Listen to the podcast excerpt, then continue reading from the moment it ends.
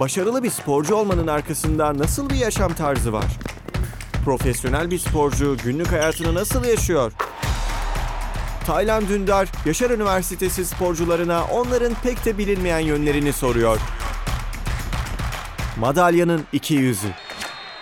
Merhabalar, Madalyanın 200'ü adlı programımızda bu hafta Amerikan futbolunu konuşacağız. Üniversite takımımızın iki değerli antrenörü Bora İnan ve Anıl Bayır bizlerle.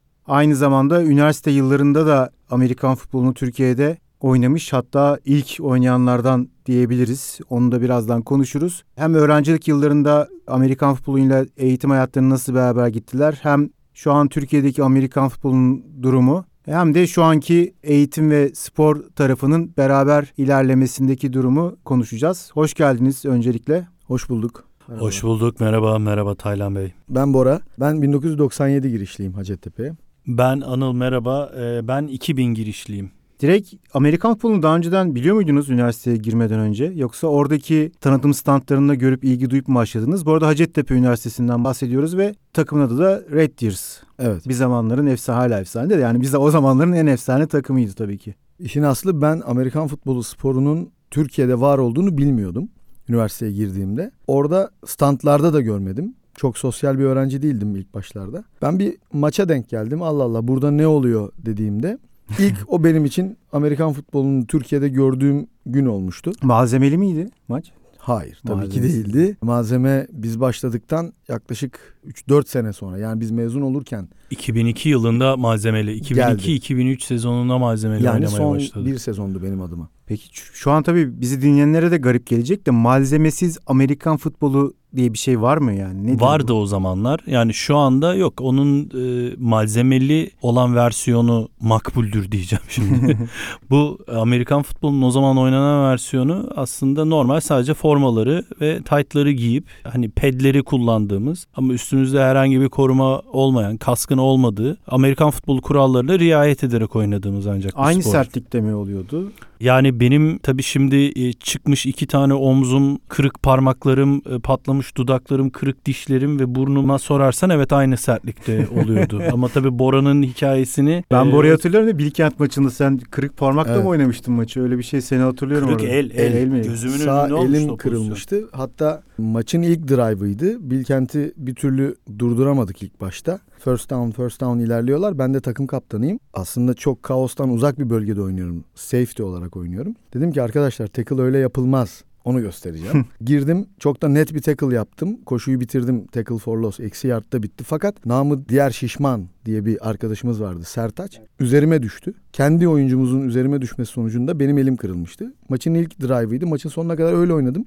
Hiçbir işe yaramadım maç boyunca. Ona hatırlıyorum hiçbir şey yapmadım. Ne tackle ne interception. Maçı kazandık 40-15 skoru da unutmam. Ve gecesinde ameliyat olmuştum. Bu olduğum toplam 8 ameliyattan yalnızca bir tanesi. Hepsi Amerikan futbolu ile ilgili mi oldu? Değil tabii basketbol da vardı Hı. ama çoğu Amerikan futbolu diyebiliriz yani ona. Ee, ben hiç ameliyat olmadım. Benim vücudum hepsi kendi kendine absorbe edip belki doğru, belki yanlış, belki yamuk hepsi bir şekilde kaynadı. Ben kısaca bahs şöyle bahset şundan bahsetmek istiyorum. Ben Amerikan futboluyla aslında daha önceden bir tanışıklığım vardı. Lisenin yarısını Amerika Birleşik Devletleri'nde okumuştum. Orada Amerikan futboluyla tanışıklığım vardı. Çünkü Amerika'da e, lise okuyorsanız Amerikan futboluyla tanışıklığınızın olmaması gibi bir ihtimaliniz zaten yok hayatın her anında hani kasabadaki şehirdeki hayatın kapanıp herkesin toplanıp maça gittiği bir ortamdan bahsediyoruz. Tabi o zaman Anadolu'dan çıkmış Amerika'ya gitmiş bir e, Türk genci olarak bu spor neymiş böyle vesaire diye bakıp izleyip daha sonra da okulun yaz kamplarında yaz liglerinde oynamışlığım vardı. Neredeydi? O zaman Minneapolis'te Eden Prairie, Eden Prairie High School'daydı.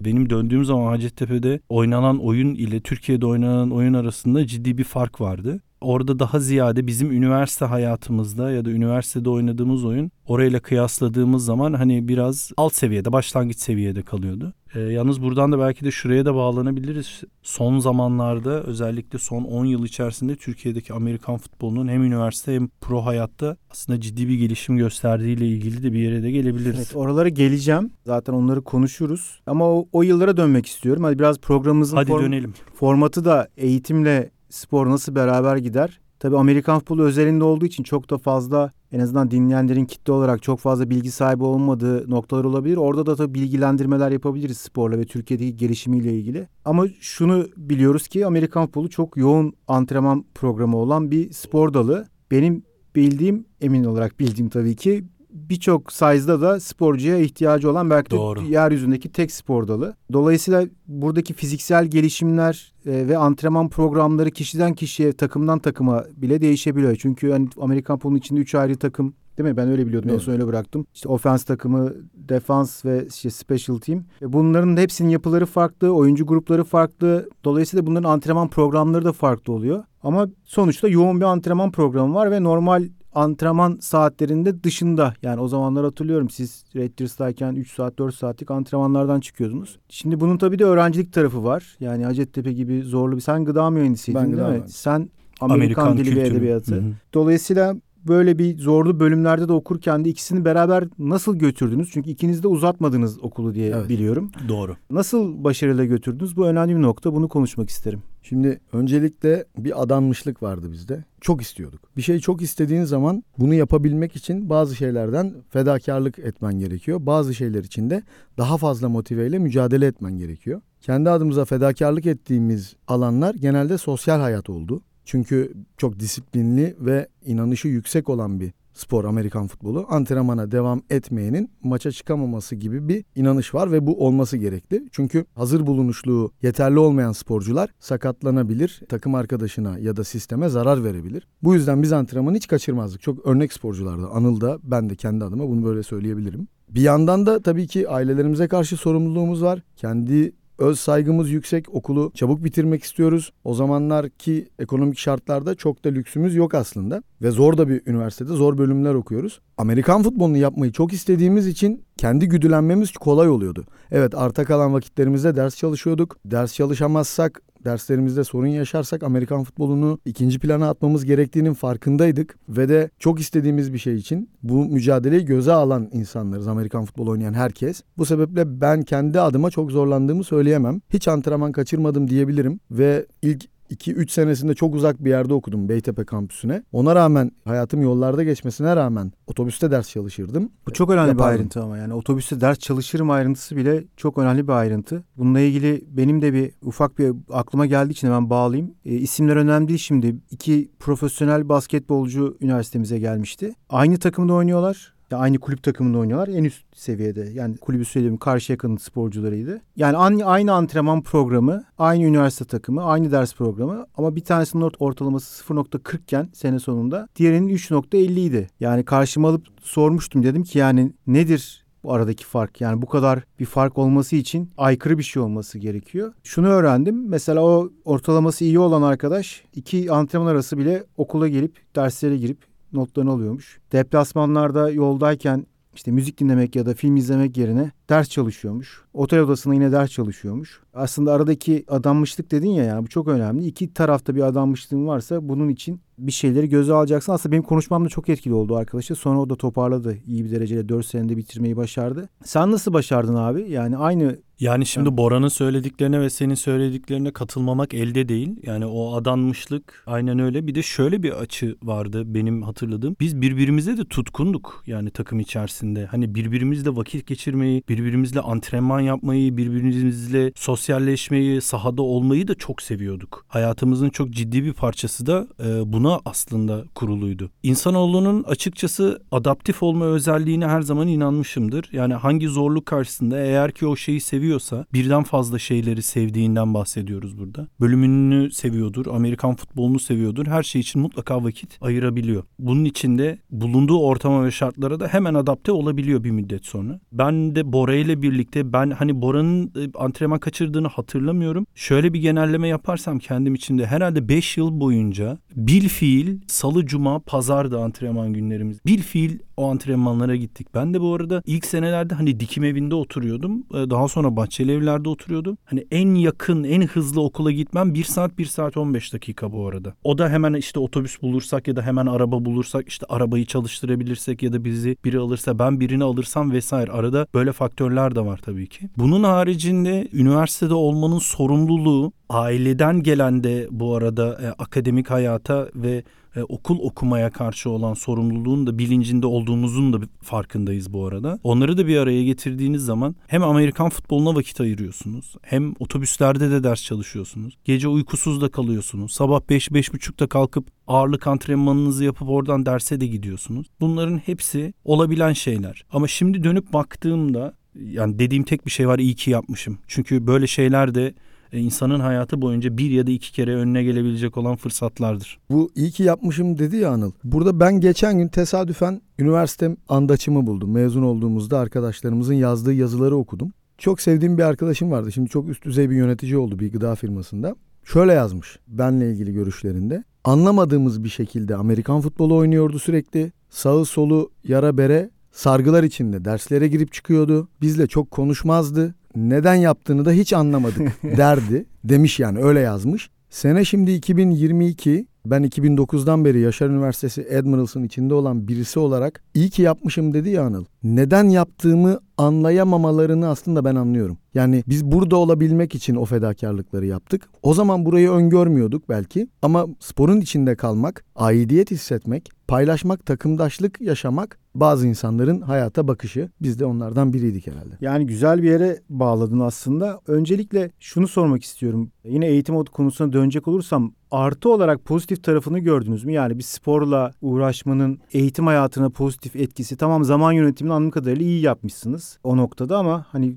sonuçta bir spor dalıyla uğraşıyorsunuz. Fiziksel ve mental olarak da gelişiminizi herhalde pozitif anlamda etkiliyor. Ben burada e, kesinlikle etkisini gördüğümü ve yani hiçbir zamanda yatsımam. Bölümdeki başarılımın büyük bir kısmını, e, akademik başarımın büyük bir kısmını da e, sahadaki başarı ve antrenman disiplininden aldığımı da her fırsatta da anlatırım. Arkadaşlarıma da anlatırım. Etrafımdaki insanlara da anlatırım. Hatta şu anda antrene ettiğimiz arkadaşlarıma da vakti zamanı geldikçe anlattık, anlatmaya da devam edeceğiz. O mental toughness nasıl çeviririz bunu?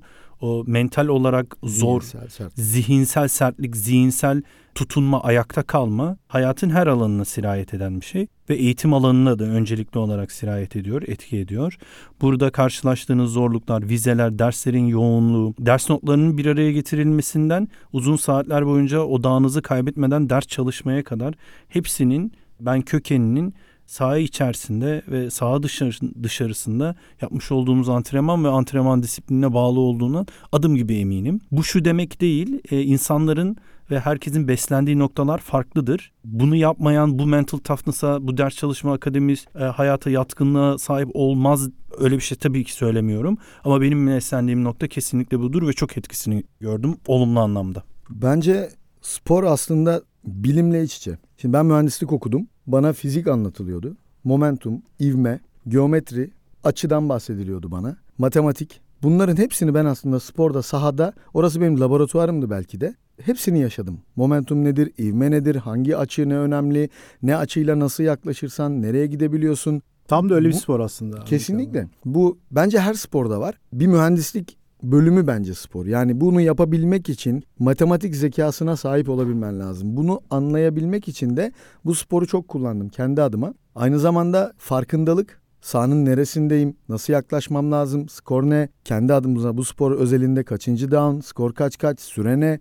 Bunların hepsi bence kendi gelişimimizde çok faydalı oldu ve hazır bulunuşluğumuzu bu seviyeye getirmede evet biz orada yalnızca kas kütlesi olarak çalışmıyorduk beynimizle ve zihnimizle de buna çok katkı aldığımızı düşünüyorum o spor sahasında. Kesinlikle haklısın. Peki şöyle devam edelim.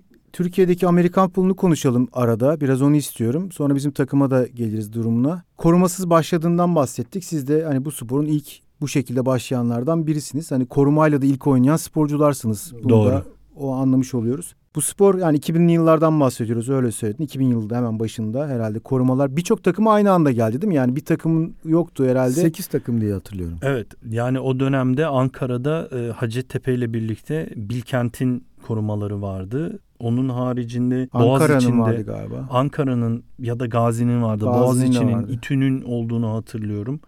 Şu anda hepsinde değil ama o sene e, federasyonun da aynı zamanda almış olduğu karar neticesinde yani bunları aslında hızlandıran biraz da federasyonun o dönemki aldığı karar. O zaman federasyonun ismini tam olarak şu anda hatırlayamıyorum. Amerikan Futbolu Üst Kurulu. Üst kuruluydu değil mi? Evet. Onun aldığı karar da karar da bu arada e, hızlandırdı bu e, malzemeye dönüş sistemini. Onunla ilgili olarak da e, benim tabii şeyde e, ilk malzemeyi giydiğim an hani koşup sağa sola dönüp ya bunları nasıl yapacağız 7 kilo 8 kilo üstümüzde var vesaire. Ama dedik ya bir müddet sonra ona da adapte oluyor insan. yani antrenman direkt malzemeyle başlayan birinden farklı bir psikolojide tabii sizinki. sizinki. Yani çünkü malzemesiz oynadığınız bir sporun üstünüze bir de malzeme geldikten sonra ayrı bir boyut. E, top Peki, tutamıyoruz, top düşüyor koşamıyoruz sağımızı solun blind yani blind side diye bir kavram girdi hayatımıza. Nasıl herhangi bir kas taktığınız zaman görüşünüz belli bir noktadan sonra kapanıyor artık o açıdan sonrasını göremiyorsunuz.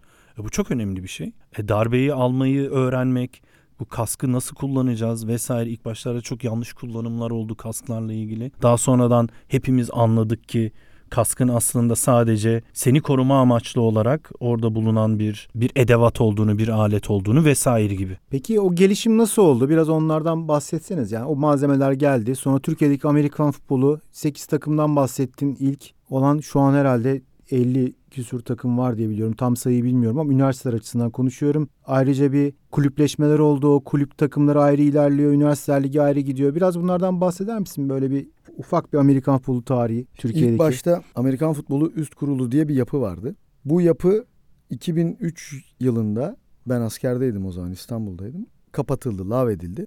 Türkiye iki bölüme ayrıldı. Bir Doğu denen Ankara, diğer takımlar bize yakın olan Eskişehir gibi. Bir de İstanbul.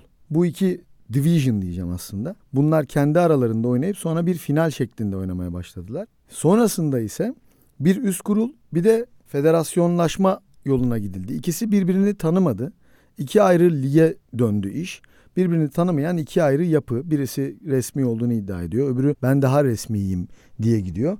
Ona katılan takımlar başka. Diğerini tercih eden takımlar başka. Bu iş tam yalını bilmiyorum ama yine 2007-8 olabilir. Bir federasyon altında toplandı. Şu anda federasyonun adı Türkiye Rugby Federasyonu. Rugby Federasyonu'nun altında softball, Amerikan futbolu, gibi başka sporlar da var. Yani biz beyzbol. aslında beyzbol galiba değil mi? Biz aslında tam bir federasyon altında değiliz. Yani Amerikan futbolu ya da korumalı futbol Türkiye'deki adıyla böyle bir federasyonumuz yok. Biz rugby federasyonunun bir alt branşıyız. Hala bir tam anlamında federasyon olamamanın sebebi de büyük ihtimalle bu sporun olimpik bir spor olmamasından kaynaklanıyor. Yani olimpik spor ne demek? 7'den 70'e herkesin yapabileceği bir spor değil maalesef. Bu sebeple gelişimimiz yavaş olmakla beraber şu an içinde bulunduğumuz seviye ve durum bizi memnun ediyor. İki seviyeli bir profesyonel lig, yine iki seviyeli bir üniversiteler ligi olmak üzere toplam dört lig var. Ben bundan 6-7 yıl önce Almanya'da, Berlin'de yapılan Avrupa Şampiyonası finalini izledim.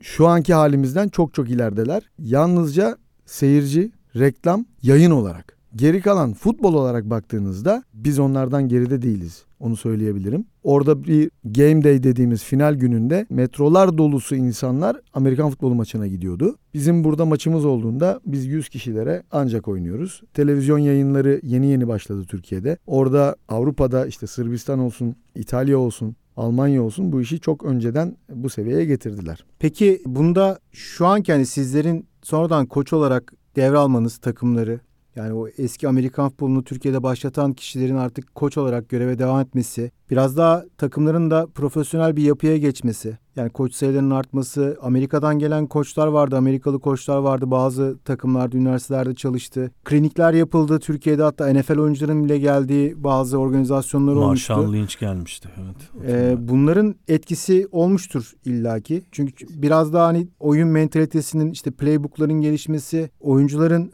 daha bilinçlenmesi, oyun bilgisi olarak çünkü bildiğim kadarıyla da dünyadaki en fazla kuralı olan spor dallarından biri. Yani çok iyi de bir ders çalışmanız lazım aslında bu spor için. Ya her maç hani bilmediğimiz bir kural nedeniyle hatta bizim son Ege Üniversitesi maçında da size sormuştum hatta maçtan sonra bir şey. Sürekli yeni bir şey de öğreniyoruz. Bu gelişime mutlaka katkısı olmuştur sizlerin de ya da ve diğer e, veteran oyuncuların diye adlandırayım. Yani şimdi bu kesinlikle söylediğin faktörlerin hepsi etkili. Yabancı koçların gelmesinden televize edilme maçların televizyonda seyredilebilmesi, online olarak seyredebilmesine kadar teknolojinin de yardımıyla Amerikan futbolu seviyesi çok hızlı bir şekilde olmasa dahi en yeni kulüpte bile zaman içerisinde yükselmeye başlıyor. Tabii jenerasyonel ve oyuncuları e, bir araya toplama faktörlerini bir kenara bırakıyorum burada. Ancak bizim Amerikan futboluna başladığımız dönemki oynanan oyun ile şu anda oyun arasında fark var. Elbette ki bazı fundamentalları oturmak, bazı seviyenin üstüne çıkmak için çok eski taktikler kullanılabiliyor vesaire.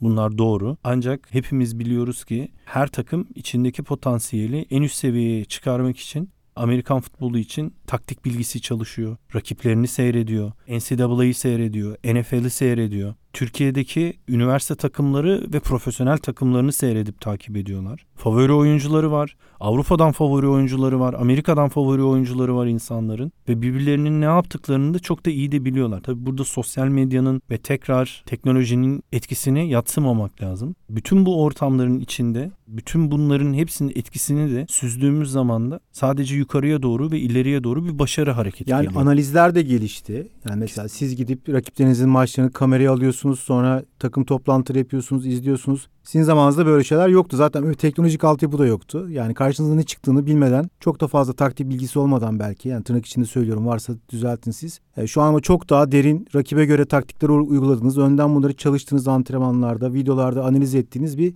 sistem var. Her takım bunu yapıyor. Mesela bizim son maçımızda bütün rakiplerimiz geldi videoya çektiler, kamera altına aldılar. Bu da bir gelişimin göstergesi tabii. Şimdi ben federasyonun antrenör eğiticisiyim aynı zamanda. Bundan önceki yıllarda antrenör kademe atlama eğitimlerini hatta bir tanesinde Yaşar Üniversitemizin imkanlarını kullanarak da misafir etmiştik antrenör adaylarını. Yetiştiren bir antrenörüm. İlk başlarda çok kolaydı kendi adıma bunu yapabilmek. Sonradan ben kliniklere gittikçe, başka koçların eğitimlerine katıldıkça bu işin ne kadar büyük bir aşama kaydettiğini gördüm. Şimdi bizim akademimizden çıkan oyuncularımız Avrupa Şampiyonlar Ligi'nde de oynadı. Bizim yetiştirdiğimiz çocuklarımız başka takımların, başka üniversite takımlarının, profesyonel takımların head koçu oldu, pozisyon koçu oldu. Bununla gurur Milli duyuyoruz. takım oyuncuları oldu. Milli takıma oyuncu verdik. Bunlarla gurur duyuyoruz. Sonra o çocuklarımızla, kardeşlerimizle konuştuğumuzda seviyenin nerelere geldiğini gördük.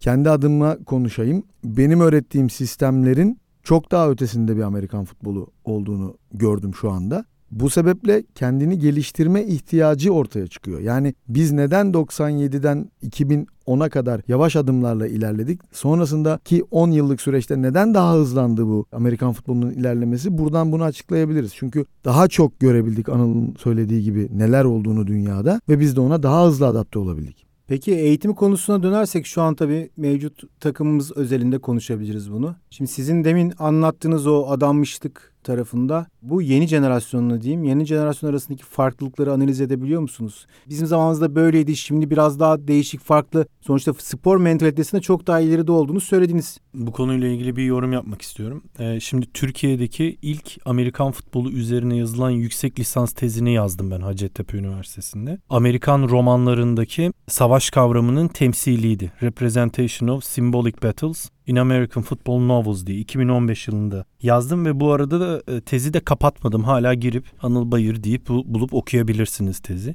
Şimdi o zaman 2015 yılında ve o tabii ki o tez ve o zamanki görüşler aslında Bora benim ve senin jenerasyonuna ait olan görüşler. Saha içindeki takımdaşlık, saha içindeki hırs, birbirine tutkunluk, birbirine sahip çıkma aynı şekilde iş hayatında da saha dışında da akademik olarak da tezahür edecektir. Bu onun göstergesidir diye iddialar vardı. Ben bu jenerasyonun biraz daha farklı olduğunu düşünüyorum. Saha içerisindeki tutkunluk ya da kendine adamışlık anlayışının biraz daha farklı olduğunu düşünüyorum. Hala eski usul olanlar da var ama farklı olduğunu da görüyorum. Antrenman devamlılığı var ama diğer takım arkadaşlarıyla çok da fazla iletişim kurmadığını düşündüğümüz oyuncularımız oldu, var, olacak da. Ancak bu onların derslerinde ya da iş hayatlarında önümüzdeki zamanlarda nasıl veriler verir ya da neler ortaya çıkartır bizim jenerasyonumuzla birebir örtüşeceğini zannetmiyorum. Bunu da gözlemliyorum. Bunun bu arada söylediklerim kötü anlamda değil. Ağzından sadece aldın, ben onu söyleyecektim. Bu olumsuz anlamda. bu olumsuz şey. değil. Bu sadece yani farklılık. Ee, Şimdi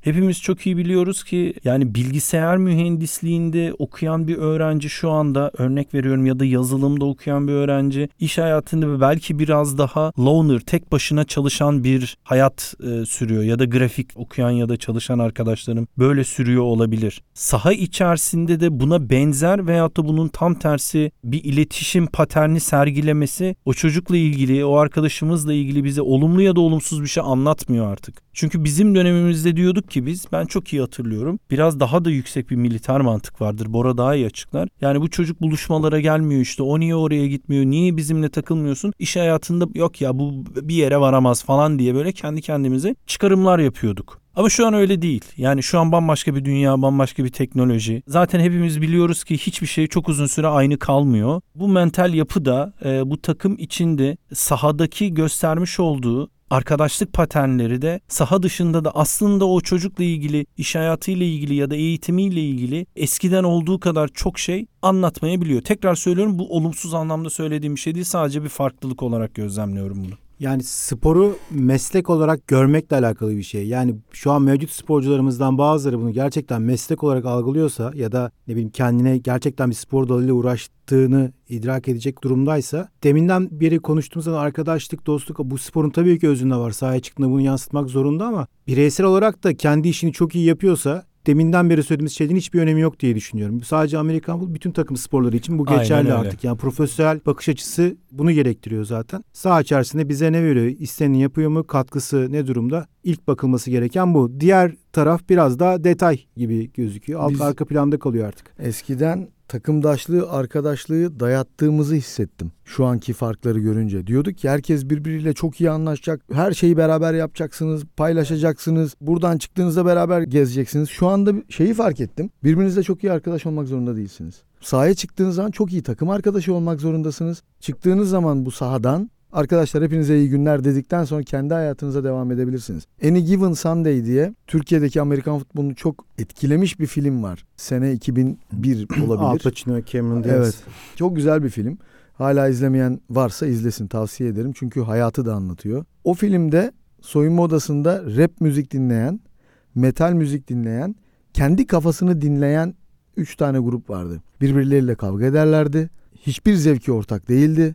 Hep birbirlerine sataşırlardı. Sahaya çıktıkları zaman birbirleri için ölecek seviyede mücadele ederlerdi. Şimdi biz bunu kendi takımımızda da görüyoruz. Çok net örnekler isimleriyle aklımda. Adam antrenmana geliyor kulaklıkla, işini yapıyor, saygı duyuyor herkese. Biz de ona saygı duyuyoruz. Antrenman bittiği zaman çıkıyor ve gidiyor. Şu anda spor da evriliyor. Çok farklı yerlere geldi. Biz eskiden seçmelere gelen 180-200 sporcu gördüğümüzde neredeyse yanılmadan kimin bu işin içinde kalacağına karar veriyor demeyeyim tespit edebiliyorduk. Diyorduk ki bu doğal seleksiyon var eleme yapmamıza gerek yok zaten bırakacak bu arkadaşlar. Niye geldiğini anladığımızı düşünüyorduk çocukların. Şimdi bakıyorum hayatta devam etmez bu zorluğa katlanmaz arkadaş çevresi edinmek için gelmiş dediğimiz sporcular bizi yanıltabiliyor artık. Eskiden yanıltamıyordu. Çok net belliydi çocukların ne için burada olduğu. Ama şu anda loner dedin değil mi? Demin Evet. bir anıl bir kavram kullandı. Tek başına takılan. Tek başına takılan. Ya bizim böyle takımın da en, var. en önemli linebacklerinden biri uzun yıllar hiç kimseyle konuşmayan. Çok da severiz. Yani Olcay Biz de da dahil, atı- koçları da dahil olmak üzere. Yani evet. iletişimi çok konuşmayan. kuvvetli olmayan öyle diyeyim. Konuşmayan. Şu an takımın en sevilen eski oyuncularından biri.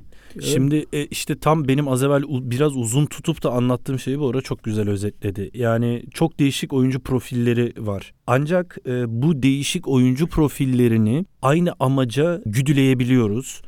Ve onların da yavaş yavaş artık kanallarını bulmaya başladık. İlk başlarda belki biz de zorlanıyorduk tam hatırlayamıyorum. Çünkü biz istiyorduk ki ya da bizim dönemimizde öyleydi tek tip oyuncu olsun. Herkes birbiriyle yemek yesin. Herkes birbiriyle sinemaya gitsin. Hep böyle büyük. Bu bu arada bu, bu da kötü değildi. Ama o dönemin gerektirdikleriyle, gerçekleriyle şu an içinde bulunduğumuz takım kavramının gerçekleri arasında da çok ciddi farklar var. Peki yavaş yavaş programın sonuna geliyoruz. Son soruyu şöyle bağlayayım ben. Two minute Ee, warning mi? Yok daha var öyle bir Ha, tamam. şeyimiz yok. Süre durarak cevap verebilirsin. Tamam. Ee, çok kötü espri olay. Bunu çıkartabilir miyiz oradan? Hayır hayır kalsın lütfen çıkarma. Tövbe tövbe. Kaç antrenman yapıyoruz şu an? Ee, şu anda Haftada yani. takım takım antrenmanı olarak haftada 3 antrenman yapıyoruz. Haftada bir takım toplantısı yapıyoruz yüz yüze ya da online. Onun haricinde de oyuncularımızdan e, ağırlık antrenmanlarını bunların haricinde veyahut da aynı gün içerisinde kendilerini nasıl güçlü ve hazır hissediyorlarsa vakitleri varsa ağırlık antrenmanı yapmasını bekliyoruz. Yani bir Amerikan futbolu oyuncusunun haftanın 4 gününü antrenmana, toplantıya hazırlamasını istiyoruz. Ama bunun haricinde eğer ki oraya bağlayacaksak oyun haricinde de yani antrenman haricinde de günün belirli saatlerinde veyahut haftanın belirli saatlerinde playbook çalışmaları yapmalarını bekliyoruz. Çünkü az evvel de Tayland konuşmanın başında söylemiştin yani e, kural, taktik 100 sayfa kuralı var, 300 sayfa kural yorumu var. Dünyalarca taktiği olan değişik grift bir spordan bahsediyoruz. Ev çalışması, homework olmadan mümkün değil. Onun da yapılması gerekiyor. Bilerek sormuştum soruyu. Bu böyle bir cevap, yoğun bir program anlatacağınızı biliyordum ama peki bu çocuklar ders nasıl çalışıyor? Ben cevap vereyim ona. Ne zaman çalışıyorlar? Şöyle oluyor o da aslında senin bu soruyu soracağını ben de öngörmüştüm Anıl bunu anlatırken. Çünkü aslında bugünkü toplantının çıkış noktası bu. Evet bu sporu bu kadar yoğun yapıyoruz hem de başarılı olabiliyoruz. Ama derslerimiz ne olacak? Şimdi bu sporu yapabilmek için öncelikle üniversite öğrencisi olmak gerekiyor. Bizim takımda oynayabilmek için. Tabii ki profesyonel seviyede oynarsınız. Üniversitede öğrenci olabilmek için derslerinizin iyi olması gerekiyor. Çünkü üniversitede belli bir süre tekrar hakkınız var. Sonrasında okuldan atılabiliyorsunuz. Bunu yaşayan sporcularımız olmadı mı? Oldu. Ama bunu engellemek için neler gördüğümü anlatayım size. Hazırlığı geçmesi gerekiyor sporcumuzun. Otobüste, antrenman arasında, okuldaki her boşluğunda herkes o çocuğa ders çalıştırıyordu. Herkes.